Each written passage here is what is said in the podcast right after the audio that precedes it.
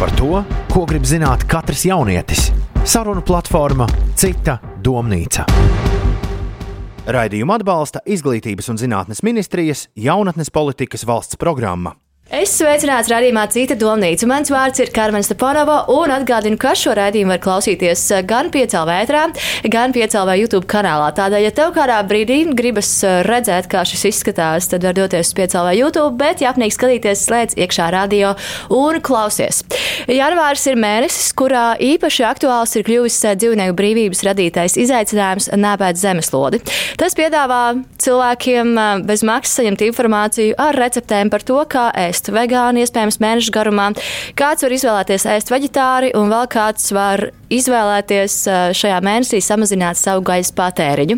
Izaicinājumu mēs noteikti pieminēsim arī šajā raidījumā, arī turpinājumā, taču esam satikušies šeit, sarunu platformā Cita domnīca, lai apskatītu šīs daudzās iespējas un saprastu, vai tiešām mums ir viens pareizais veids, kā dzīvot, vai visiem ir jākļūst par vegāniem, vai visi vispār var kļūst, kļūt par vegāniem, vai ir jāpaliek pie tā, ka esam veģetārieši latvieši, vai vienkārši visiem ir jāiet un jāēd gaļa. Veidojot šo rādījumu par vienu no tā jautājumiem, tiešām kļūt tas, vai vegānisms ir draugs vai biets, jo joprojām sociālos tīklos un mēdījos vārds vegāns tiek mētāts apkārt brīžiem bez mazliet kā lamu vārds. Vegānisms noteikti ir tas, uz ko šajā raidījumā mēs liksim uzsvaru, taču nevaram aizmirst to, ka tam līdzās pastāv arī veģetārisms, kuram ir vēl dažādi veidi. Ir, protams, mums arī svaigādāji un cilvēki, kas izvēlas svētdienkarti nemainīt, izvēlas ēst gaļu un ir apmierināti ar savu izvēli. Lai par šiem jautājumiem runātu, šeit studijā man ir pievienojusies Ksenija Adrianova. Uzturu speciāliste. Sveika. Čau. Arī Lēna Rudolfa, kura veido blogu The Thriving Vegan. Sveika. Čau. Un Mairita Strūberga Tītrī, vadītāja, izveidotāja un cilvēks, kurš, kā mums izstāstīja, dažādi avoti, septiņus gadus ir bijis veģetārietis līdz šo te uzturu veidu atmeta. Sveika! Čau! Ksenija, kā tu veido savu uzturu, vai kādreiz tu esi mēģinājis dzīvot vegāni, veģetāri? Jā, tad runājot par mani, tad tehniski es laikam skaitos visēdājs, bet es cenšos pieturēties maksimāli pie augu valsts uztura, jo pētījumi rāda, ka tas ir visveselīgākais uzturs, kas ir iespējams. Kā tu varētu izskaidrot cilvēkiem, kas iespējams ir apjukuši šajā visā vegānu, veģetāriešu, ar ko tad atšķiras vegāns no veģetārieša? Jā, sāksim ar to. Varbūt ar nelielu atkāpi. Parasti mums veido divas pretpaules gaļēdāji un uh, vegāni. Uh, tehniski gaļēdāji mums nav. Ja vien cilvēks nepatiek tikai un vienīgi no gaļas visu savu dzīvi, mums ir visēdāji, vegetārieši, vegāni, svaigēdāji. Un, kā jau tu pareizi pateici, uh, vegetārieši arī uh, var tikt saskaldīti smalkākās grupās, uh, kuri ēd pienu, olas vai ar ticīgi nēd pienu un olas. Ir tādi, kuri patērē uzturas zivis uh, vai Tieši otrādi nepatērē uzturēt zivis. Un pat ir tādi vegetārieši, kas ik pa laikam ēd vistas gaļu, un es kāpēc arī skaitās vegetārieši. Tā kā klasifikācijas ir ļoti, ļoti dažādas, un apjukt tiešām ir viegli. Bet es domāju, galvenais kā atcerēties, ka Vegāni ir tie, kuri vispār neizmanto uh, nekādus uh, dzīvnieku izcelsmes produktus, gan uzturā, gan arī ikdienā. Lainē, izstāstiet, lūdzu, kā sākās tavs ceļš uz vegānismu? Mans ceļš sākās pirms no apmēram jau astoņiem gadiem. Uh, tas īstenībā bija ļoti. Uh, tas bija toreiz tāds egoistisks mērķis. Um, man bija tāds mūžīgās problēmas. Es tur mēģināju zaudēt svāru, uzlabot savu izskatu, um, nu, kas tādam tīneģerim jau ir parasti tās visas lietas meitenēm ir aktuāli. Un es uh, kaut kādā mistiskā veidā uzgāju uz svaigēšanu. Uh, un es izlasīju, ka tur ir visādi veselības, um, tā teikt, visādi uzlabojumi veselībai, ka tas ir diezgan vienkārši. Tu varēsi, ko tu gribi, tu zaudēsi svaru, la, la, la. Un es vienkārši izdomāju, ka es būšu svaigādājis, un vienas dienas laikā izdomāju, ka es tam pievērsīšos. Bet nu, tas bija caur ļoti tādu neveselīgu attieksmi. Um, un, um, es biju pusgadu svaigādājis, bet es tur izgāju cauri visādām fāzēm, tas viss nu, beidzās diezgan bēdīgi. Es sapratu, ka nu, es vispār necentos tur kaut ko plānot tas nebija normāls pāridlasījis, kā man pareizi ēst. Es tur nezinu, ēdu visu laiku banāns, brokastīs, pusdienās milzīgi salātu bļodu. Es vispār nepievēršu uzmanību kaut kādām uzturvielām. Es vienkārši domāju, ej, ēdīšu viss, kas pagadās, un viņam būs ok. Jo nu, draugiem LV svaigātāju grupā taču cilvēki saka, tu nav ko uztraukties.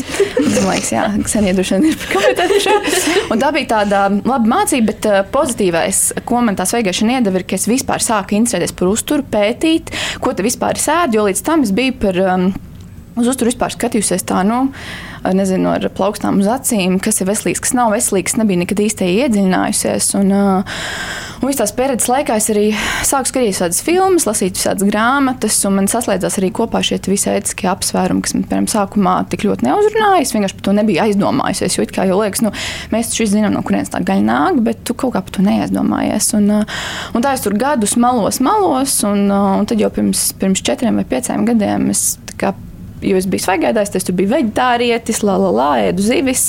Bet pirms četriem gadiem es tā lēnām, lēnām pārgāju uz, uz vegānismu, izslēdzu lēnām tos dzīvnieku valsts produktus un arī lasīju, interesējos. Uh, nu, tiešām kā tu tur sabalansē, tā lai es jūtos labi un esmu vesela.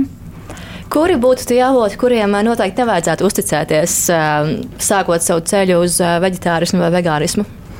Nu, man bija tā pieredze visādām nu, toreiz draugiem LV grupām, vai vienkārši iegūglēt un izlasīt kaut kādā avotā bez kaut kādām zinātniskajām atsaucēm. YouTube skatīties kaut kādus YouTuberus, kuri tur paši sev eksperimentē, um, vienkārši noticēt tam kā vienīgai patiesībai. Nu, manuprāt, ir nenormāli jāslēdz tā kritiskā domāšana klāt. Un, uh, un, piemēram, es pati arī ne, tik labi neorientējos zinātniskajā literatūrā, tāpēc īstenībā ir grūti atrast tiešām tādus uzticamus avotus. Bet nu, gadu, gadu laikā man ir kaut kāda kādas manas references, kam es uzticos. Un, un, jā, tur vienmēr ir jābūt kaut kādai, nu, ja mēs tieši no veselības viedokļa skatāmies kaut kādai zinātnē apakšā, ir jābūt nevis vienkārši nu, no kaut kurienes izrautiem avotiem apšaubāmiem. Par to mēs noteikti vēl runāsim turpinājumā. Tad es noteikti prasīšu arī Leksenī izsakas par šo jautājumu, jo avotu tiešām ir daudz un ne tikai Instagram, arī sociāla tīkli, citi mm -hmm. sociāla tīkli met virsū to, kā tu varētu darīt, bet uh, kritiskā domāšana tieši Jā. tā. Mairita, septiņi gadi kā veģetārietim, kas mainījās? Ai, man vienkārši apnika. es būšu godīga.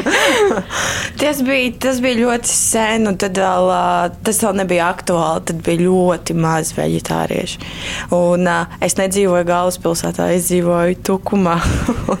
ja tu esi vegetārietis, tad tu vienkārši ēd kartupeļus ar salātiem. Ja? Un tu to kotletu noņem nos, un tas ir arī viss. Tā ir vienīgā tava opcija.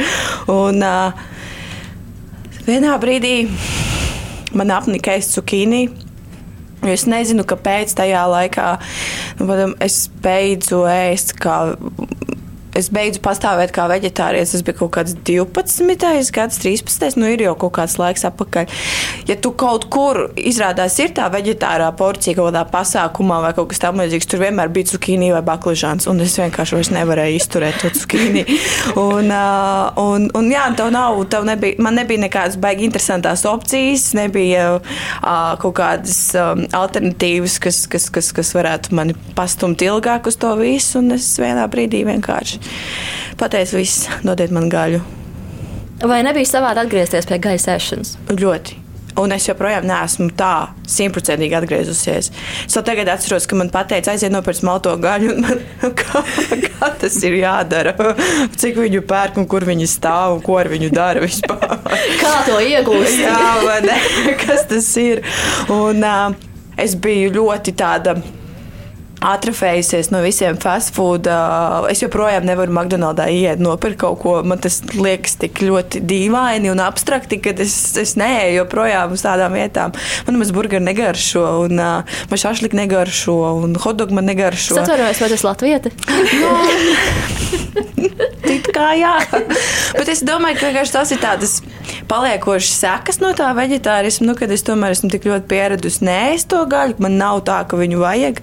Bet, ja es aiziešu uz pasākumu un tur būs Es biju vienā dzimšanas dienā, un tur bija rasols ar dēstu un šāφliks un kūku, un kūks arī snēdu, un negaršo saldumu. Un es ēdu salds kā maizi ar kečupu.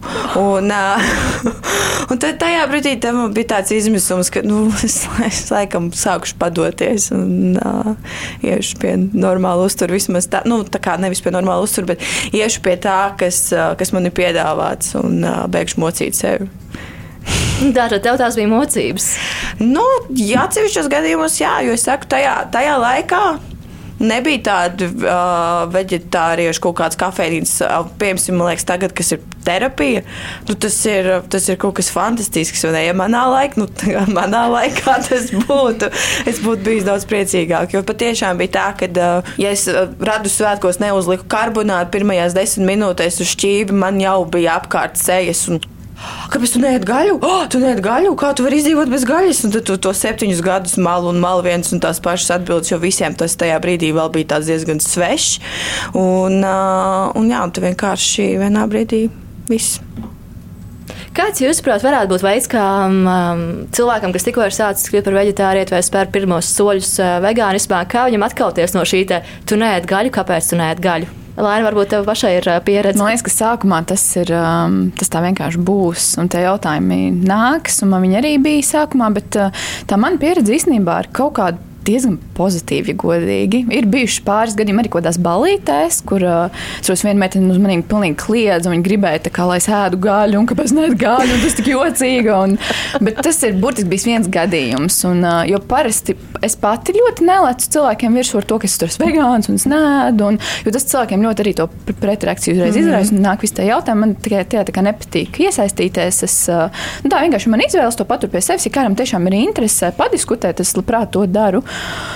Um, tā kā, nu jā, ne, nu, protams, tev ir nu, tīri par uzturlietām. Protams, ka par mani vecām mamām tur bija sākumā uztraukusies, ka tā prāts tur tu neat gaļu un kā tagad tu bāliņi tie viņa un la la la.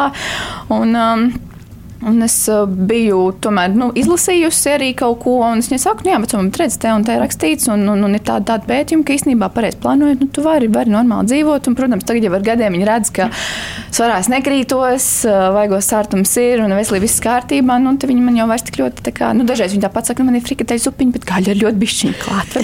Apēdīs. tā kā, nu, jā, nu, es, es pat redzu, ja es pat eju ar tādu mieru un bez agresijas, tad īstenībā cilvēki arī nu, nebrūk virsū tā. Es teiktu, ka vispār atkāpties nav iespējams. Un, uh, tas ir tikai varbūt, tādas ļoti draudzīgās, mīlošās uh, ģimenēs, kur cilvēki tiešām viens otru saprot un ieklausās.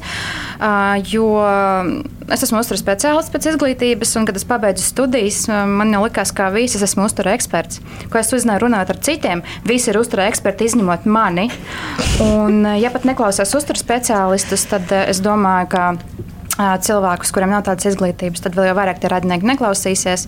Vienkārši ir jādzīvo savu dzīvi, jāpastāv par saviem viedokļiem un jāmēģina izdīlot kaut kādā mm. veidā. Cilvēks, kurš līdzīgi kā Mārīt vegetārismu izmēģināja un tad saprata to, ka atgriezīsies pie gaļas savos ēdienos, ir Rojas Rodžers, kurš mums arī savu komentāru par to, kā viņš izlēma tomēr nebūt vegetārietis pat pēc trīs gadiem.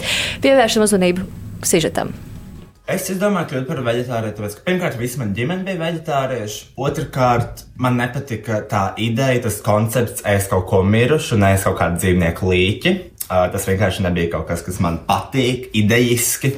Es biju vegetārietis kādus trīs gadus, un pēc trim gadiem dzīvojot vegetāri, nolēmu atkal savā ēdienkartē iekļaut gaļu.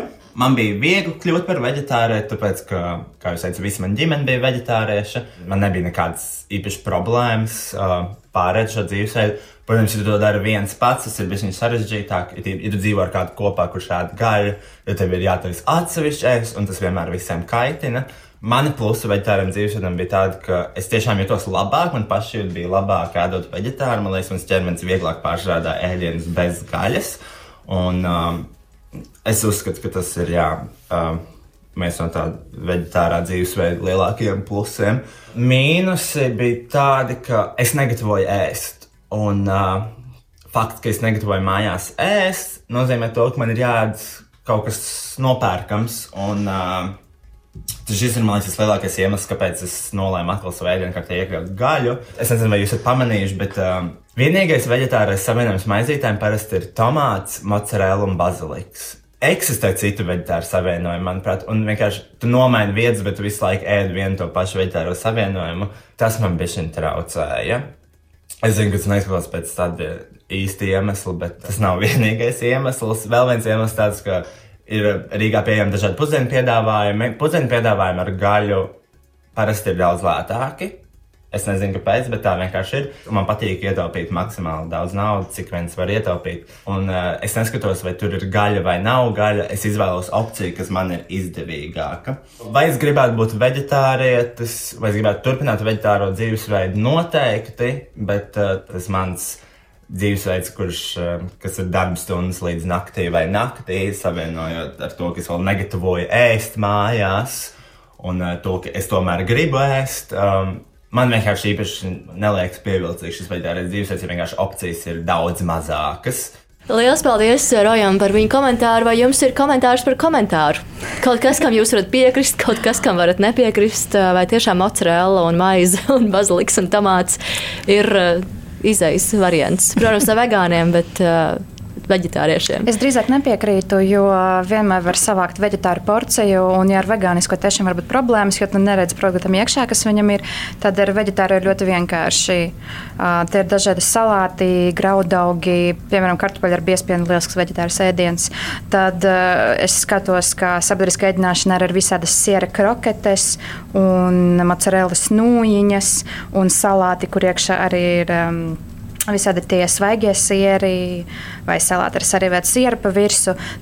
Es teiktu, ka jēdarbs mājām veģetārijas vispār nav nekāda problēma, tikai bišķiņi jāpieslēdz fantāzija, kā to sakombinēt. Un iespējams, jā, tas būs bišķiņi, bišķiņi dārgāk, tam gan es piekrītu. Kādēļ tā? Kādēļ mums ir jāmaksā vairāk par eh, to, ka mēs nevēlamies gaļu savos ēdienos?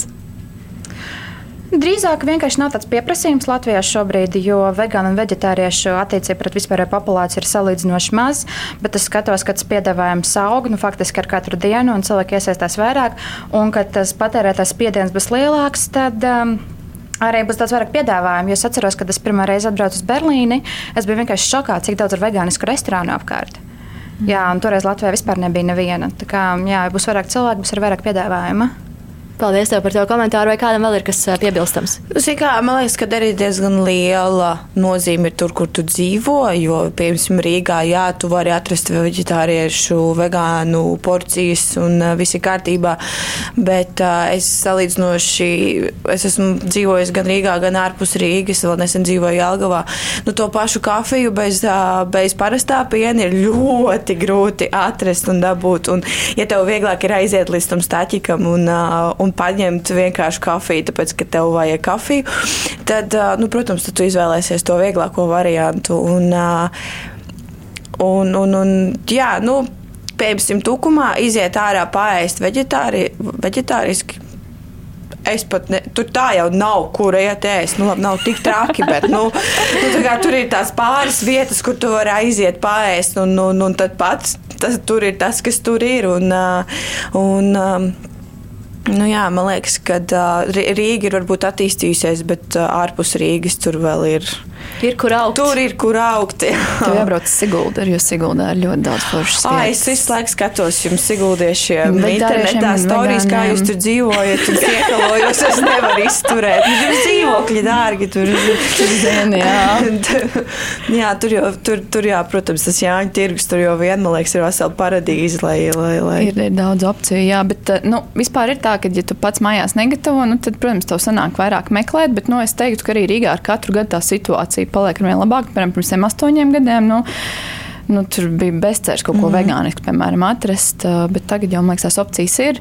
Bet nu, es ieteiktu, tiešām, nu, ja gribās ietaupīt, ka tomēr pievērsties tai gatavošanai mājās un vienkārši spiest uz to, ka tu gatavo daudz, un tev ir, piemēram, ko ēst divas vai trīs dienas uz priekšu, ka tev jāgatavo tur brokastis, pusdienas vakariņas katru dienu. Nu, tā, jā, bet nu, es domāju, ka ar gadiem tā situācija noteikti arī paliks vieglāk arī vegāniem Rīgā ārpus mājas. Sekosim tā līdzi. Šajā brīdī rādījums ir Donīca, uz brīdi dodas dziesmā, bet pēc tā brīža mēs būsim atpakaļ šeit piecēlvē ētrā. Saruna platforma Cita domnīca. Reizes Idonīts ir atpakaļ piecēlā vētrā, un šajā reizē kopā ar Kseniju Lainu Mairitu mēs runājam par veģetāriešiem, visādājiem un, protams, arī vegāriem. Arvien aktuālāk kļūst paralēļu vilkšana starp mūsu uzturu un to, kā mūsu uzturu izvēles ietekmē vidi. Bieži vien to var redzēt kā vienu no argumentiem, ka tas, ko mēs ēdam, liek palielināties dažādiem klimata draudiem, sasilšanai un visam pārējiem. Protams, neviens no mums šeit nav vides eksperts un speciālists, eh, bet kāds ir jūsu viedoklis par šo? Vai eh, tā ir tā pirmā lieta, uz ko ir jāskatās, eh, domājot par to, ko es tagad ēdīšu, vai es būšu visādājs, vai vegetārietis, vai vegāns, vai vidi ir tas, tas numur viens? Es domāju, ka ir baigi forši skatīties, ko tu ēd un piedomāt pie tā, bet uh, Es personīgi nesmu droša, vai globāli tam būs tik ļoti liela ietekme, jo patiesībā par klimata jautājumiem atbildība galvenā ir jāuzliek nevis uz patērētāju, bet uz korporācijām, kas pašlaik notiek, bet ļoti, ļoti vāji. Nu, es tomēr redzu to, ka vegānisms vai veģetārisms nu, es jūtu, ka es kā cilvēks, ka tomēr man ir, ka es varu iedot to savu balsi. Piemēram, nu, ja mēs ir vien vairāk cilvēki kļūst veģetārieši, vegāni, pieaug šis arī pieprasījums pēc tāda veida uzturs, samazināsies gaisa patēriņš un ka mēs arī kaut kā globāli varam iegūt, nu, vismaz cerams. Tādas mums ir tā mana doma, jo, nu, tomēr, protams, kad, lai mēs iegūtu gaļu, Mums ir jābaro šie lopi, mēs tērējam daudz vairāk resursus nekā, piemēram, patērēt augvalsts uzturu.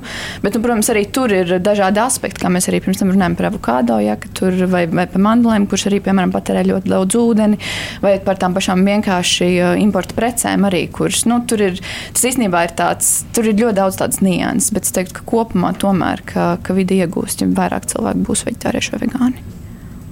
Man liekas, ka vienmēr jābūt kaut kādai tam mēram, tam zelta vidusceļam. Man liekas, ka, ja aiziet vienā galībā un aiziet otrā galībā, tad nav īsti labi nevienam, ne otram.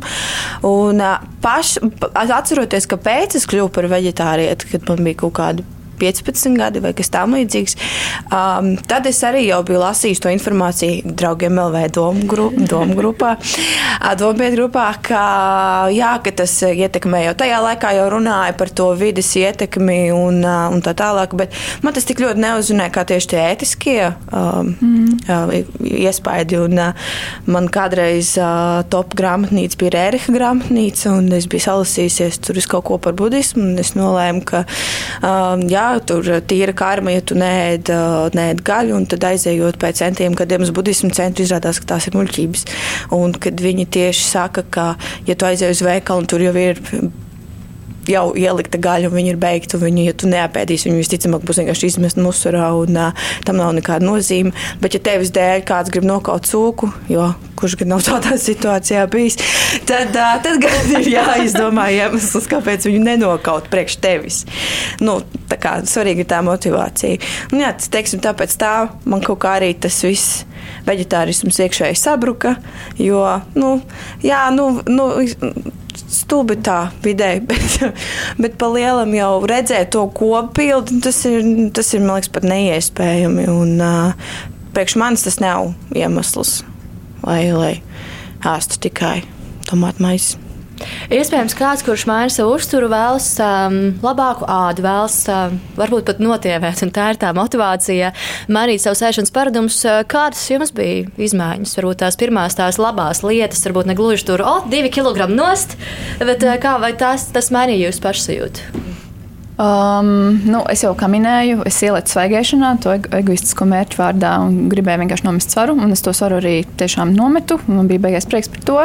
Bet, uh, Um, bet kopēji nu, ir tā, ka veselības ziņā es nekad neesmu bijis tāds kroniskais slimotājs. Man nav bijis tāds veselības problēmas, un es ielicu tieši piemēram, veganismā, lai uzlabotu tā veselību. Bija tieši tas svars. Bet, uh, bet bija arī kaut kādas uh, citas lietas, piemēram, kas bija interesanti, piemēram, svaigēšana. Nu, kā arī uh, daudz kur lasīju, nu, ka tur uzlabosies sejas ādu. Man ar sejas ādu tīpaši tīņa gados bija problēmas. Uh, un sākumā tā sejas āda tiešām ļoti attīrījās, un pagāja kaut kādi mēneši, un es jūtu, ka tās pumpas parādās, un ar vien vairāk, un ar vien vairāk, un ar vien vairāk. Un lasu, nu, ka, nu, kā es ēdu augļus un dārzeņus, nu, kurienes tās pumpas radās. Es lasu visās domātu grupās, tas ir detoks, tā ir attīrīšanās, tur pagaidi un tā. Viens mēnesis paiet, otrs mēnesis paiet, trešais mēnesis paiet, un ar vien sliktāk un sliktāk tā situācija. Beigās nevarēja no mājas bez tonāla aiziet. Bet beigās tas, ko es atklāju par sevi, ka tas ir cukurs no augļiem. Un man vispār nebija nojausmas, ka augļi var kaut ko tādu nodarīt. Un tāpēc, piemēram, tagad es esmu ļoti. Um, Ļoti piedomāju pie tā, kādus augļus, cik daudz viņu sēdu. Un tā, bet visējādi citādi, nu, enerģija, protams, es pat, piemēram, noskrēju pusmaratonu, arī uh, ēdot tikai augvalsts uzturu. Tā kā, nu, es nevaru sūdzēties. Nu, ja man pirms tam arī nebija nekas slikts ar veselību, tagad noteikti nekas nav pasliktinājies, es jūtos ļoti labi, enerģija ir. Tā kā, tādā ziņā viss kārtībā. Vai tu atceries, ka kaut kas mainījās?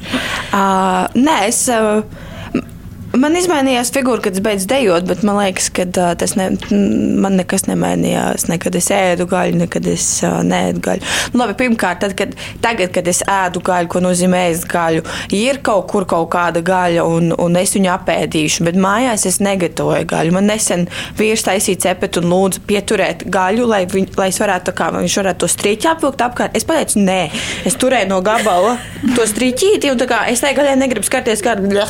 Un, uh, un ne, ne, ne, tas, tas nav priekš manis. Es joprojām nesaprotu neko no tām gaļām. Un, ja vīrs kaut ko uztais, tad, tad es to apēdu, ja es gribu. Ja es negribu, es to vispār nelieku savā šķīvī. Man nav tā, ka, ja es tagad ēdu gaļu, es tagad ēdīšu gaļu. Katru dienu. Katru dienu man ir jāēd gaļa. Nu, nē, nu, tā kā es aizēju kaut kur. Nesen mēs ar uh, vīru aizgājām pamēģināt pirmo reizi mūžā pēc steiku. Es nebiju ēdus steiku. Un uh, bija tiešām ļoti karšīgi. Es tikai biju domājis, ka viņš tā kā multinē būs tāds plakans ar kaulu vidū. Ja, Anesu pilnīgi kaut ko citu. Nu, kā tik ļoti es saprotu gaļu. Uh, bet, um, Nē, man personiski, personiski vienīgais, kas, piemēram, kas man ļoti patīk, ir salīdzināt, aiziet uz parasto branču, kur ir visas iespējamās opcijas, kur tu tur mēģini sarīties pēc iespējas vairāk tās desas un garnēls. Un tad aiziet uz terapiju, kur tu vari apēst tikai augu valsts branču, un tu esi, nu, protams, tu arī tikai sēdi un to vien ar kā ēd, bet nav tā smaguma sajūta. Jā, tas, tā, tas gan man patīk. Mm. Bet es pēc tam ļoti ātri atkal gribēju ēst? Nu, es būšu godīga bet, bet sajūta bija daudzreiz, daudzreiz vieglāka un labāka un, un enerģijas pilnāka. Es tikai zinu to, ka ja vēlāk es palikšu rasnāka, es točnu būšu vegāna. Nu, kā, es sākšu tad vairāk domāt, bet šobrīd man viss ir kārtībā. Tā kā viss ir ok. Zin kā, ir ļoti svarīgi uzsvert, ka vegānisks vai visādāja uzturs vēl nenozīmē, ka tas ir obligāti veselīgs uzturs, jo mm. sabalansēts vai nesabalansēts var būt gan viens, gan otrs. Un mums var būt vegāns, kurš pārtiek no frī kartupeļiem ar vegānisku majonēzi un panēt uz soju fritē receptu. Un, Tad mums var būt cilvēks, kas ēd gaļu, uh, sautējot vistas filēju un nedot viņu ar puskilogramu dārzeņu. Tā kā, es domāju, pats par sevi uzturs vēl nav garantija veselības uzlabojumiem. Ir jāsabalansē gan viens, gan otrs, lai rezultāts. Paldies tev, paldies tev un paldies jums visām par jūsu Paldies tev un paldies jums visiem par jūsu izteikto viedokli. Mairita pēc tam teica to, ka jā, ja es pieņemšu svarā, es kļūšu par vegānu. Ksenī, vai cilvēks var uz sitienu vienas dienas laikā vienkārši klikšķis, es būšu vegāns? Nu, Atbildot uz šo jautājumu, pirmkārt, ir jāsaprot, ka vegānisms ir ētiska pārliecība. Un uh, bieži vien cilvēki tiešām vienas dienas laikā kļūst par vegānu, piemēram, noskatoties kādu video par uh, industriālu lopkopību vai nežēlīgu uzturēšanos pret dzīvniekiem. Jo tas vairs nav uztara jautājums, tas ir eh, tava prāta, ētikas jautājums, un tad viņam tiešām ir super motivācija to visu izdarīt vienā dienā. Un, uh, tur es vairs nejaukšos, jo es esmu uzturas speciālists, nevis ētikas speciālists. uh, bet runājot tieši par uh, labvēlīgāko veidu, kā pāriet uz vegānismu, tas, protams, būtu pakāpeniski lēnām apgūstot jaunas receptes, lēnām, lēnām izslēdzot produktus un galvenais meklēt alternatīvas. Jo tie, kuri to izdara ātri, bieži vien nostum kotletu no šķīvja, nostum mērci no šķīvja, mm. atplīgus grīķus. Un, protams, viņi vai nu viļās šajā uztura veidā, vai nu viņam sāks veselības problēmas. Un lielākoties visi tie skaļie virsraksti, kur, nezinu, vegāni nobadināja savu bērnu, vegāns uzkāpa kalnā un nomira, lielākoties Problēma ir tajā, ka viņi vienkārši ir ēduši nu, drausmīgi. Um, nevis vegānismā bija problēma, bet nesabalansēta uzturā bija problēma. Vislabāk būtu, kā jau es teicu, pārēt pakāpeniski, uh, lēnītēm apgūstot jaunas receptes. Man liekas, ka arī ļoti svarīgi ir tas, ka, piemēram, es ēdu gaļu, bet tas nozīmē, ka es nevaru ēst vegāniskus ēdienus ikdienā. Nu, tā kā es pirmdienā apēdu savu karbonādu, un otrdienā es apēdu kaut ko ļoti absolūti vegānisku, ne, kas ir uh, interesants. Jo, piemēram, man ir tā, ka uh, man. Uh, Man dēlam ir alerģijas pret uh, olu, pienu, kviešiem, krāsvielām, konservantiem, un uh, man dzīve piespieda. Kā, nu, es nezinu, viņam varbūt vajadzētu arī kaut kādu nosaukumu, jo viņš ēd gaļu, bet viņš neēd visas šīs lietas. Nu, kā, jo es viņam gaļu taču neatņemšu. Nu, viņam ir atņemts jau tik daudz. jā, viņam jau tik daudz ir atņemts, un tad ir uh, tā, ka jā, es viņam tā iztos visādas vegāniskās receptes, un, un, un protams, visaktuālākās ir ir kūks un cepumi vai kaut kas tamlīdzīgs, jo viņam no kā bērnam gribas iedot kaut ko garšīgu, bet viņam nav nekā, ko viņš var ēst pa lielam. Un, um, Un tad ir ļoti interesanti redzēt vispār to uzturu kā tā. Un, un, un, nu, man liekas, es piemēram ļoti gribu pamēģināt uztaisīt uh, to burkānu, kas garšo kā lāsis. kā- Burkānlāsis. Jā, tas, tas, tas ir kā man tagad viena no, no noliktajām receptēm, mm. kuras gribu izmēģināt. Un to var darīt arī, ja tu neesi vegetārietis, tu neesi vegāns. Un tad, uh, un tad arī, man liekas, nav nemaz tik uh, sarežģīti vienā brīdī kļūt par vegānu, jo tu tam esi tāpat sekojas līdzi. Kur mēs varam meklēt uzticamu informāciju? Jo ir skaidrs, ka, piemēram, iet Instagram, ierakstot vārdu vegan, nu, mums atvērsies ļoti daudz cilvēku, kas uh, publicē receptes, savus stāstus, izskatās uh, fantastiski, ir visi sportiski un tam līdzīgi. Tas liek noticēt tam, ka šis strādās, es arī tā izskatīšos. Bet kas varētu būt tas avots, kur tu saņem informāciju, kur tev nav jāieslēdz savi kritikas filtri? Tas ir ļoti sarežģīts jautājums, jo parasti šādos gadījumos es saku, ka ir jāklausa ārsti un uzturas speciālisti. Bet, eh, diemžēl, arī daudzi uzturas speciālisti, nē, bet ārsti uh, ir ļoti neizglītoti vegetārismu un vegānismu jautājumos. Un tā vietā, lai to cilvēku, lai viņam sabalansētu uzturu, viņi vienkārši aizbiedē viņu un pasaka, ēd gaļu. Ko dara šis cilvēks? Viņš atnāk mājās un turpina ēst pa vecam. Tā vietā, lai sniegtu palīdzību, viņi vienkārši iedzen stūri un viņš vairs neuzdod jautājumus. Es iesaku atrast uzturas speciālisti, kas jums patīk, um, pārbaudiet izglītības dokumentus. Tas ir tas, par ko es vienmēr iestājos, jo šobrīd visi ir uzturas speciālisti. Uh, un, jā, tas būtu labs avots, jo viņš mācīs izreikināt jums sabalansētu ēdienkarti. Un noteikti neiesaku visus Instagram cilvēkus. Nu, protams, ir uzturas speciālisti, dažreiz ir Instagram un YouTube, kas ir ļoti pozitīvi, bet arī filtrējumi, kā mēs skatāmies. Jo vegānisms uh, kā ideja uh, bieži vien piesaista tādus radikālākus viedokļus. Uh, Jo Viņi mēģina vegānismu vērtību uh, pacelt uz tā rēķina, noniecinot dzīvnieku izcelsmes uzturu. Tas nav nepieciešams. Vegānisms ir tīri labs pats par sevi. Ko viņi dara? Uh, viņi pasaka, ka piens ir slikts. Nevis vienkārši teliņam ir slikti, bet piens ir slikts. Tad viņi pasaka, nevis govīs sāp, bet gaļa ir kaitīga miljardus veidos. Uh, nu, tādā veidā mēģinot noniecināt uz dzīvnieku izcelsmes produktus. Un, Tādus cilvēkus es noteikti neiesaku klausīt. Vēl es redzu, ka vegāniskie uzskati bieži vien piesaista ļoti daudz ezotērikas. Ko es domāju ar ezotēriku? Tie ir visi šie paši detoksi, doma par, organ, par to, kā mūsos kaut kas uzkrājas, kas ir jāiztīra. Jā, visādi mentālie sārņi. Bieži vien tur aiziet. Un tiešām ļoti, ļoti jokaini uzskati par sazināšanos ar visumu, par to, ka mums patiesībā būtu jāiet prāna un vegānisms ir tikai ceļš uz mūsu savienošanos ar radītāju un tā tālāk un tā tam līdzīgi. Tā kā jā, iesaku ļoti norobžoties no cilvēkiem, kur tā dara. Nu, jā, atrodiet sev savu, savu mīļo uzturu speciālistu, kas runā jūsu valodā, un nevis aizdzen jūs prom, bet palīdz sabalansēt ēdienkarti. Un palīdz izprast to, kas iespējams nav tik uh, izprotams pirmajā brīdī. Uh, nu jā, tieši tā, jo pāriet uz vegānismu nav vienkārši. Uh, lai arī tie cilvēki, kuri ilgstoši ir vegāni, viņi varbūt pasmiesies un pateikt, nu, haha, nu, protams, ka viegli, es jau desmit gadus. Viņi patiesībā vienkārši ir aizmirsuši, kā viņi paši ir gājuši cauri. Mm.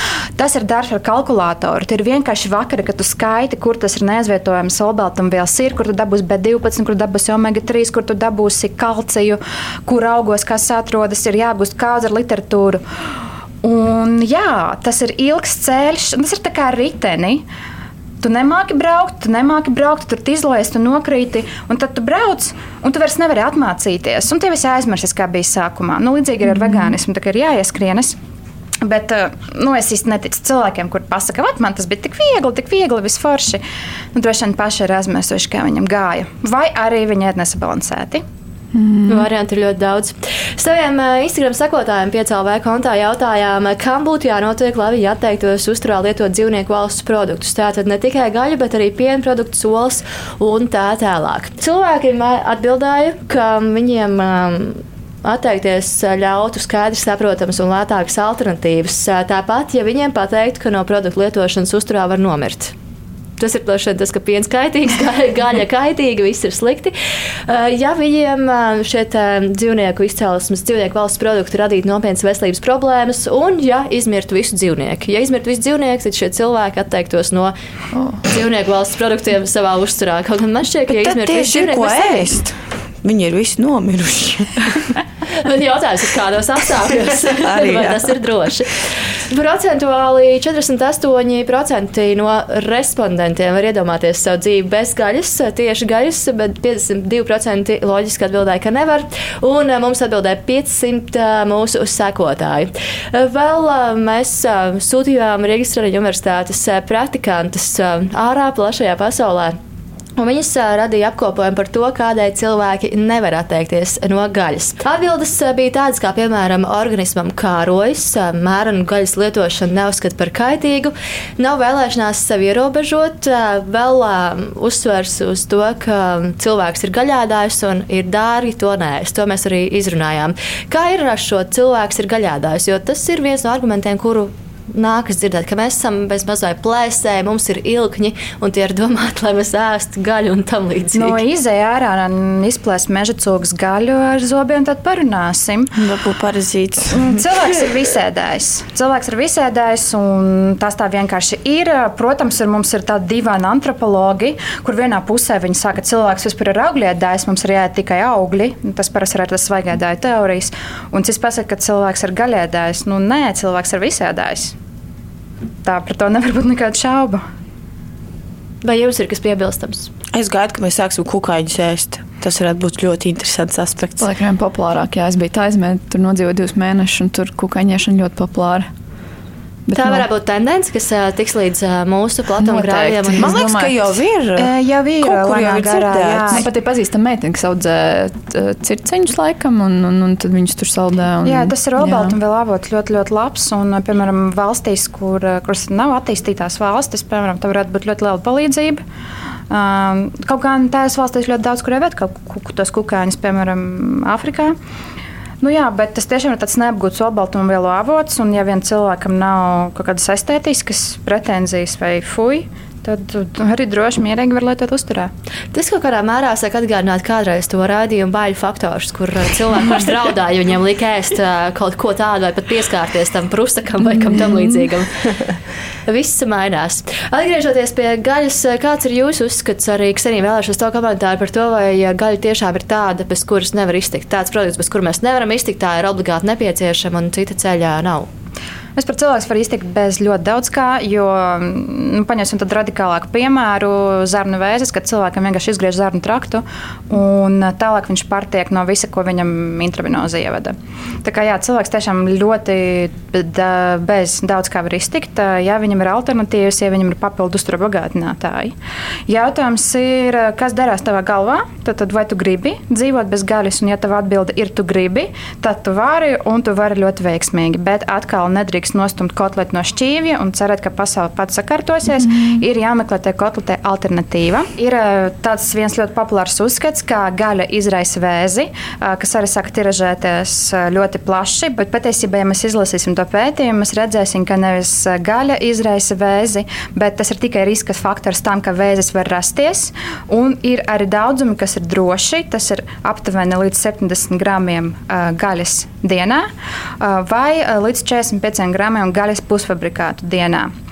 Kas gan ir ļoti maz, jo, ja tu latviešu vīrietim, kurš grib sev 205 gramu karbonādu, pateiks, no, nogriezt līdz 70 gramiem, nu viņam, protams, būs šoks. Bet fakts ir tāds, ka jābūt vēlams mazliet to gaļu samazināt uzturā. Tāpēc pētījums bija tikai par sarkano gaļu, tad uz baltos putnu gaļu tas neatiecas. Jā, būtu vēlams samazināt, bet uh, staigāt apkārt pa pasauli un kliegt, ka gaļa izraisa vēzi, ir ļoti nekorekti. Vai kādam vēl ir kas piebilstams par gaļu? Mērķis ir redzējis multinēs gaļu. mēs, varam, mēs varam turpināt ar kādu tieši kas arī tikko minēja to, ka jā, vīrietim pateiks, ka viņam jāsamazina savus gaisa patēriņš, viņš būs šokā. Viens no cilvēkiem, kas sociālajos tīklos nekad nav slēpts to, ka viņam eh, gaļa ir ļoti tuvu sirdī, ir Toms Lūsis, eh, un arī viņš dalījās ar savu komentāru raidījumam Cita domnīca. Pievēršam uzmanību. Sveiki, draugi! Mani sauc Toms Losis, un man ļoti garšo gaļa. Un es nejūtu absolūti nekādas emocionālas pārmetumus par to, ka es esmu varības ķēdes pašā virsotnē. Bet tajā pat laikā ir, manuprāt, ļoti jauki, ka ir cilvēki, kas ir atteikušies no gaļas vai eh, dzīvnieku produktiem kā tādiem. Arī manā draugu lokā ir pietiekami daudz vegetāriešu, un viņi visi ir fantastiski cilvēki. atšķirīgiem ēšanas paradumiem. Nav nekādas vainas, un ar to nav pilnīgi nekāda problēma līdz brīdim, kad neierodas kāds ultrakarojošs vegāns, kurš paziņo, ka ir labāks par visiem tiem, kas ēd gaļu. Ir vairāk nekā skaidrs, ka arī vegetāro un vegāno pārtiks produktu iegūšanai un ražošanai tiek nodarīts pietiekami liels posts dabai un tiek iznīcināts vienkārši abnormāls daudzums mazo dzīvnieku un, un tiek iznīcināts viņu dzīves vietas. Tāpēc, ja kāds vegāns moralizē par to, ka viņš ir labāks, jo viņš nenodara nekādu ļaunumu dabai vai dzīvniekiem, nu es to varu uztvert tikai kā absolūtu ignoranci un liekulību, un nekā citādāk. Ja ir skaidrs, ka mūsu visu pabarošanai tiek nodarīts kaitējums dabai. Vienīgā atšķirība ir tāda, ka gaļēdāji to apzinās un ir spējīgi tikt tam pāri, bet liela daļa no vegāniem izliekas to nemanām un jūtas labāk par citiem. Nu, vienīgais veids, kā, kā dzīvot patiesi zaļi un būt saskaņā ar, ar pasauli un dabu, ir vienkārši ņemt un ielikt daugavā. Nu, un viss, un tad būs zaļi. Es tā īsti ne, neatceros uh, dzīvi pirms gaļas. Es, uh, es esmu ēdis gaļu vienmēr, uh, un, uh, un man ir grūti iztēloties kaut kādus uh, brīvprātīgus uh, apstākļus, kur rezultātā es būtu gatavs atteikties no gaļas. Nu, visdrīzāk tas nekad nenotiks. Bet eh, ļoti iespējams tas ir eh, arī tāpēc, ka esmu no laukiem. Un eh, laukos visi ēda gaļu. Un laucinieki tāpat arī uzskata, ka vegānisms ir vienkārši tādu garlaikotu un īstas problēmas neredzējošu pilsētnieku cimperlīgumus. Lielas paldies Tomam Lūsim par viņa komentāru un skaistajiem salīdzinājumiem. Vai kāds vēlas izteikties par nu pat dzirdēto? Es laikam piekritīšu tam, ka Nedrīkst teikt, ka visi var būt vegāni. Ja tu dzīvo lielpilsētā, ja tev ir liela ienākuma, augsts izglītības līmenis un brīvais laiks iedziļinātos. Jo tomēr pasaulē ir reģioni. Tad, tad noteikti tie reģioni, kur lielākoties ir augsts klimats vai visu laiku ir ziema, tur tomēr bez gaļas, zivīm un dzīvnieku izcelsmes produktiem īsti nav iespējams. Vai arī Mums ir ģimene ar ļoti zemiem ienākumiem, kur tev strādā gatarī. Nu, es ļoti šaubos, ka viņš būs gatavs domāt par vegānismu tajā brīdī, kad viņam ir jānodrošina primāras vajadzības, lai bērnam ir nauda, lai nopirktu mugursomu uz skolu. Un es domāju, Tieši komunicējot par vegānismu, nedrīkst nest to karogu un teikt, visi var, visi var, mm. ja vien tu esi tādā privileģētā stāvoklī. Uh, bet šie cilvēki vienkārši ir jāizglīto, ka varbūt tu vari kaut ko bišķiņu tur mazāk, bišķiņu mazāk gaļas tur. Paņem, uztaisi vienu vegetāru dienu no septiņām. Nu, tā kā meklēt to citu pieeju, jo cilvēkus, kuri kādu iemeslu nespēja, viņus ļoti atgrūž tā, tas paštaisnums uh, un mhm. agresīva attieksme. Jā, es īstenībā piekrītu, jā, kad, kad tas atgrūž. Piemēram, arī pašai draugs, kurš nav vegāns, viņš uh, veģetārisks lietos tur azīvis. Uh, viņš pats mēģināja būt vegāns, bet viņam gremošana ir tāda, ka viņš pākšaugus nu nekādi nevar. Viņam ir slikti, viņam sāp, un, un viņš tur gājas pie visādiem ārstiem. Un, un, ja viņš šādi dzīves, viņš jūtas daudz labāk, un, un viņš apzinās, nu, ka vienkārši nu, es arī viņu saprotu. Nu, ko darīt. Kā, jā, nu, ne visiem tas gan, gan veselība, gan, protams, visādi citi aspekti, arī tas, kur tu dzīvo. Un, um, jā. Jā, man liekas, ka vienkārši, ko es esmu vispār kā tāda dzīvē, ne tikai runājot par uzturu, sapratusi, ka nu, nav pirmkārt melns un balts. Nav tā, ka uh, tieši tā kā Toms teica, ja tu esi vegāns, tad tu izglābsi pasauli, un ja tu ēd gaļu, tad tu neglābi. Jā. Tur ir uh, daudz dažādi aspekti, un uh, ir kam dari, kam nedara. Man liekas, ka ir 2020. gads, mums būtu jāsaprot, ka katram ir sava izvēle un katrs pie šīs izvēles pieturās. Um, man nepatīk, piemēram, runāt par, par citām tēmām, ja kā pamanīt stāvoklī, un tad ir cilvēki, kas saka, ka es negribu bērnus. Nu, tie, kas grib bērnus, tie, kas negrib bērnus, tā ir katra izvēle, un par to nevajag bļaustīties. Vai tu gribi, vai tu negribi. Nu, tu pateici, ka tu negribi, tu tagad skaļi pateici, ka tu negribi bērnus, un ko man tagad darīt? Es arī daudz ko citu negribu, man tagad iet un par to runāt. Un, um, man liekas, ka vienkārši ir jāciena katra izvēle. Es gribu ēst gaļu, es viņu ēdu, es negribu ēst gaļu, es viņu nēdu. Un kāds to dara ļoti ilgā laika posmā, kāds pamēģina vienu mēnesi nēst gaļu kaut vai, vai, vai mēģina samazināt to gaļas mm -hmm. daudzumu, bet tas ir pilnīgi katra, katra ziņā, un nevienam nav jāliek cita mutē, cita kuņģī, un jāsāk tur savas taisnības deklarēt. Tā jā, jā, un man arī liekas, nu, tā kā tu jau arī minēji, ka tas nav par melnu vai par baltu, un, un es zinu, ka bieži vien cilvēkus tieši atgrūž tas, ka viņiem vegānisms liekas, nu, ka kā, visu vai neko. Tā kā mm -hmm. es vegāns, tad tā kā forever, never, ne gaļa, ne siers, nekas la la la. Bet man liekas, tā atslēga ir samazināt. Arī jau, jau, jau arī Ksenija teica, nu, ka vienkārši samazināt to patēriņu, izglītot to sabiedrību un neiet ar tādiem uh, ļoti agresīviem saukļiem. Jo nu, varbūt ir cilvēki, kam tas strādā, bet tomēr pēc manas pieredzes redzu, ka lielāko daļu sabiedrības vienkārši atgrūž šī pretreakcija. Un, uh, un ka vegānisms arī, kā tu sākumā minēji, ka jau tas kā lamvārds palicis. Un, jā. Jā, kāpēc tas rodas? Nu, cik es esmu runājis un pētījis par šo jautājumu, Tā kā vegānisms ir ētiska pārliecība, ka viņam tiešām ļoti, ļoti sāp sirds par izturēšanos pret dzīvniekiem un viņu vardarbīgu izmantošanu. Tāpēc varbūt rodas tas agresīvs viedoklis un visu vai neko. Jo, Viņu sirdīs tas ir ļoti, ļoti sāpīgs jautājums, par ko gribas izbļaustīties, izārdīties. Bet ko es tiešām no visas sirds iesaku, bišķiņu savas emocijas nolikt malā un padomāt par komunikāciju. Tā kā, mm. ja mēs reklamējam produktu, mēs padomājam, ko mēs par viņu sakām. Mēs nolagojam reklāmas aģentūru, kas izdomā tam gan saukli, gan pasniegšanas veidu. Un līdzīgi ir jāstrādā ar sevi, kad komunicē par vegānismu nu, tad tomēr eh, jūsu mērķis ir eh, efektīvi to pasniegt, lai cilvēks aizdomājas, nevis lai viņš jūs atgrūž. Un es to iesaku ne tikai vegāniem, es to iesaku ļoti daudziem cilvēkiem, kuriem pārliecība beidzas ar ismas. Mm. Tiešām padomājiet, ko jūs runājat, mm. padomājiet, ko jūs pārstāvat. Uh, bieži vien viņi tev pretī pateiks, es neatbildu par visiem, viss nav vienāds, viss ir tik ļoti dažāds, bet jā, jūs to varat sevi saucat kaut kādā ismā nu, padomāt, ko es pārstāvu, kā es komunicētu, jo ar savu uzvedību es pārstāvu visu to komunu. Mm. Un, eh, ja par, par jums slikti domā, domas attiecīgi ir slikti par visu komunu. Tā kā jāpieiet bišķiņi no PR reklāmas viedokļa tai komunikācijai. Jā. Es arī zinu, man ir bijuši cilvēki, kas teikuši, ka oh, tas ir pirmais tāds normālais vegāns, ko es pazīstu. Viņi satiek vienu tādu super agresīvu, viņiem liekas, kā vienkārši visi vegāni norakstām.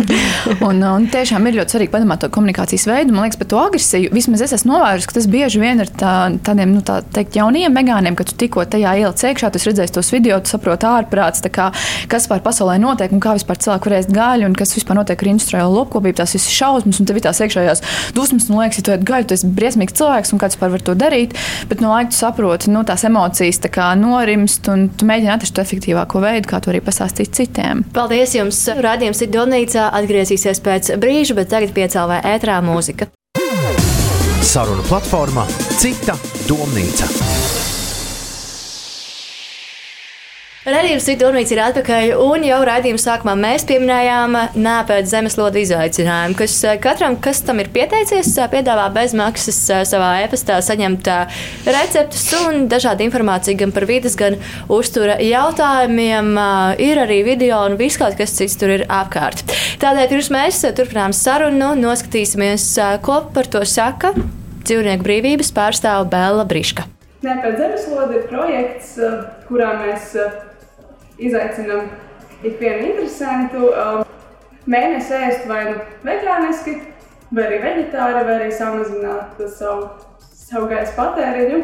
Mērķis ir uh, likt visiem, uh, visiem dalībniekiem uh, padomāt par savu pārtikas izvēļu ietekmi uz zemeslodi, uz dzīvniekiem. Un, Jā, varbūt aicināt uh, praksē ēst uh, dzīvniekiem un vidē draudzīgāk. Nav viens uh, specifisks iemesls, kāpēc tieši janvāris. Uh, protams, mēs varam izaicināt sevi ēst vidē draudzīgāk tikai vienā mēnesī, bet, uh, manuprāt, tas šķiet uh, jauki, ka mēs varam uzsākt jaunu gadu ar jaunu apņemšanos ēst vidē draudzīgāk. Visvairāk tiek izvēlēta vegetārās ēšanas opcija. ja mēs visi atteiktos no dzīvnieku izcelsmes produktiem, mums būtu daudz vairāk brīvi pieejamu gan pārtikas, gan saldūdens šo resursu. Un, protams, mēs izglābtu no lielām ciešanām miljoniem dzīvnieku. Bet, lai nokļūtu pie šādas sabiedrības, kurā mēs varētu domāt par, jā, par atteikšanos no dzīvnieku izcelsmes produktiem, šis ceļš viņam ir jābūt pakāpeniskam. Mēs nevaram vienā dienā uh, pilnībā izmainīt visus savus paradumus. Tāpēc ir tikai labi, ja mēs varbūt sākam ar uh, mazākiem solīšiem, ēdam gaļu. Mazāk varbūt sākumā atsakāmies no produktiem, no kuriem mums ir vieglāk atteikties un, un pieredzinām sevi, savu domāšanu, savu organismu pie citādākas ēšanas. Jā, runājot par uh, uzturu speciālistiem, tas nav pilnīgi obligāti, ka, ja tu izmaini kaut ko savā uzturā, tev ir jāiet pie uzturu speciālista. Ja tu esi gatavs mazliet izpētīt, mazliet palasīt, tad nav tik sarežģīti izplānot savu ēdienu karti. Bet, ja ir tāda vēlēšanās, ja ir tāda interese, vai arī varbūt, ja ir maz priekšzināšana par ēdienu vispār, tad ja tas būtu labs veids, kā saprast savu ēdienkarti labāk, un jā, tikai, tikai jāmeklē. Paldies Bēlai no dzīvnieku brīvības. Viņa komentēja iniciatīvu un izaicinājumu nāpēt zemeslodu, un Ksenija jau skatoties secināja, ka viņai ir ko teikt. Jā, es nepiekrītu tam, ka pie uzturas speciālista var arī neiet. Es uzskatu, ka ir jāiet obligāti. Kāpēc es to paskaidrošu? Lielākoties vegānismam pievēršas tomēr cilvēki, kuri jau ir pieauguši vai pusauģi, jo tas, tas vēsmas ir salīdzinoši jaunas.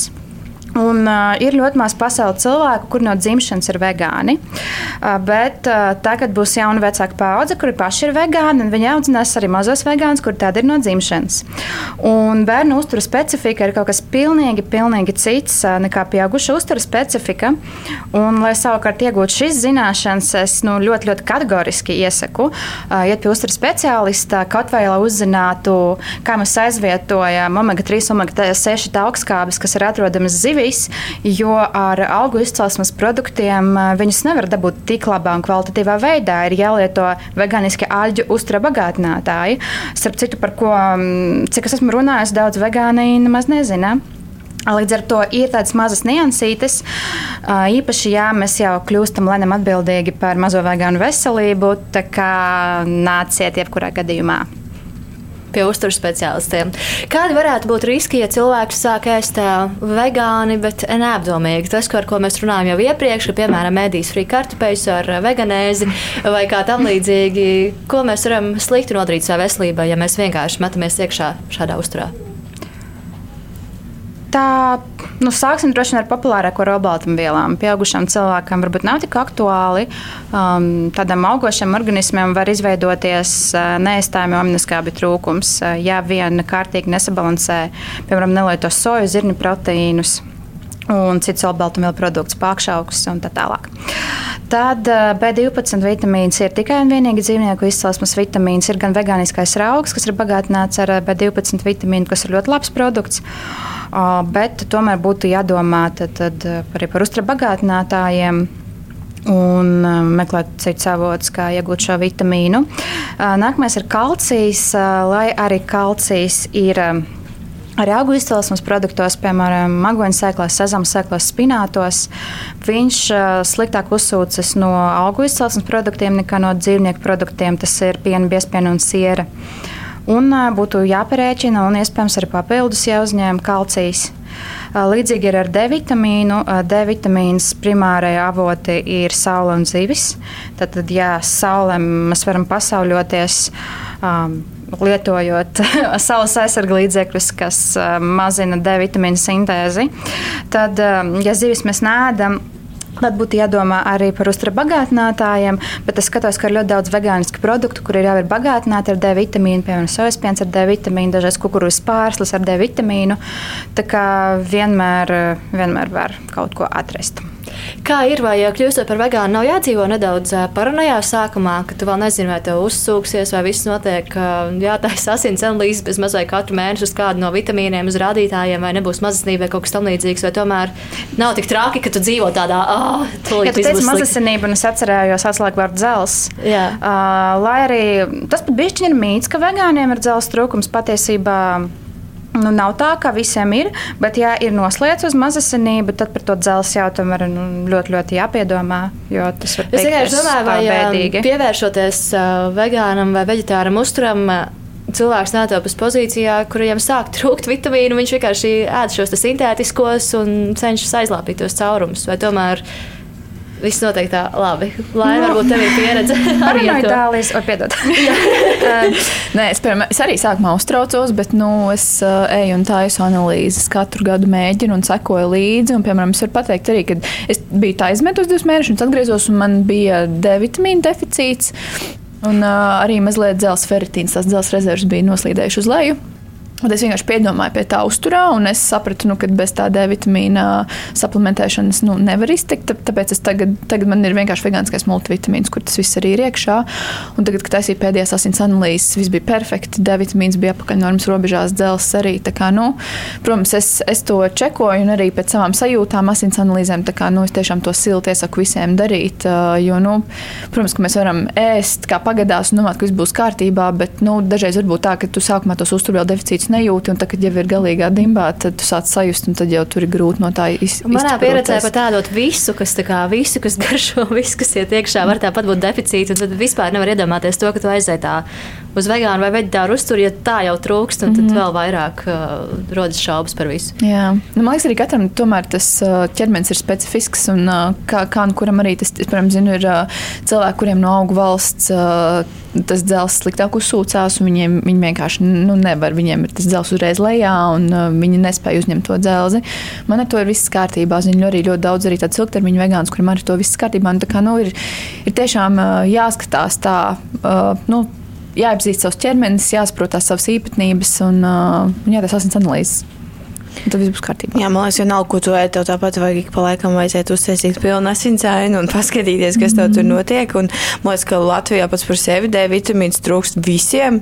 Nu, man liekas, ja tu jūties, ja tu jūties slikti, ja tev nāk miegs, aiziet pārbaudīt D vitamīnu. Nu, vispār vitamīnus. Un uh, man ļoti patīk mans ģimenes ārsts. Tas ir. Uh, mīļākais ārsts, kādus es savā dzīvē iepazinusi, es pie viņa, ja es aizēju, bet arī, ka atnāks esmu uz terapiju, un, un, un, un viņš parasti paskatoties uz mani, paskatoties uz mani sejas krāsu, pasaka, ka jā, tev ir jāiet pārbaudīt tas un tas, un pārsvarā viņam ir taisnība. Un, un, un, un es ēdu it kā visu, es sev neko neaizliedzu un tā tālāk, bet, nu jā, protams, tas arī droši vien bija pirmās grūtniecības dēļ, ka man cels bija vienkārši, nebija bija.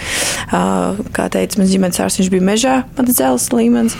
Un, Man liekas, ka tas ir vienkārši pats par sevi. Jo, jo tā man ģimenes ārsts teica, un es viņu ļoti cienu, ka viņš, viņš teica, ka mūsdienās vispār ir ļoti grūti iegūt jau tādus normālu vitamīnu daudzumu sev pieaugušiem. Un es viņam teicu, kā tas nāks, kad es biju septiņus gadus veģetārietis, un, uh, un, un, un man visu laiku dzels bija kārtībā, jo tad arī es vienmēr esmu gājusi vismaz reizi gadā, pusgadā pārbaudīt sev. Um, pilnu asinsainu. Viņš teica, ka visticamāk, tu izbrauc uz savām rezervēm bērnības. Un, tā, un tās ir beigušās. Tās jau ir beigušās. Un, jā, jātais jauns laikam. Kas arī vēl, vēl, vēl ir kaut kas piebilstams vitamīnu jautājumā.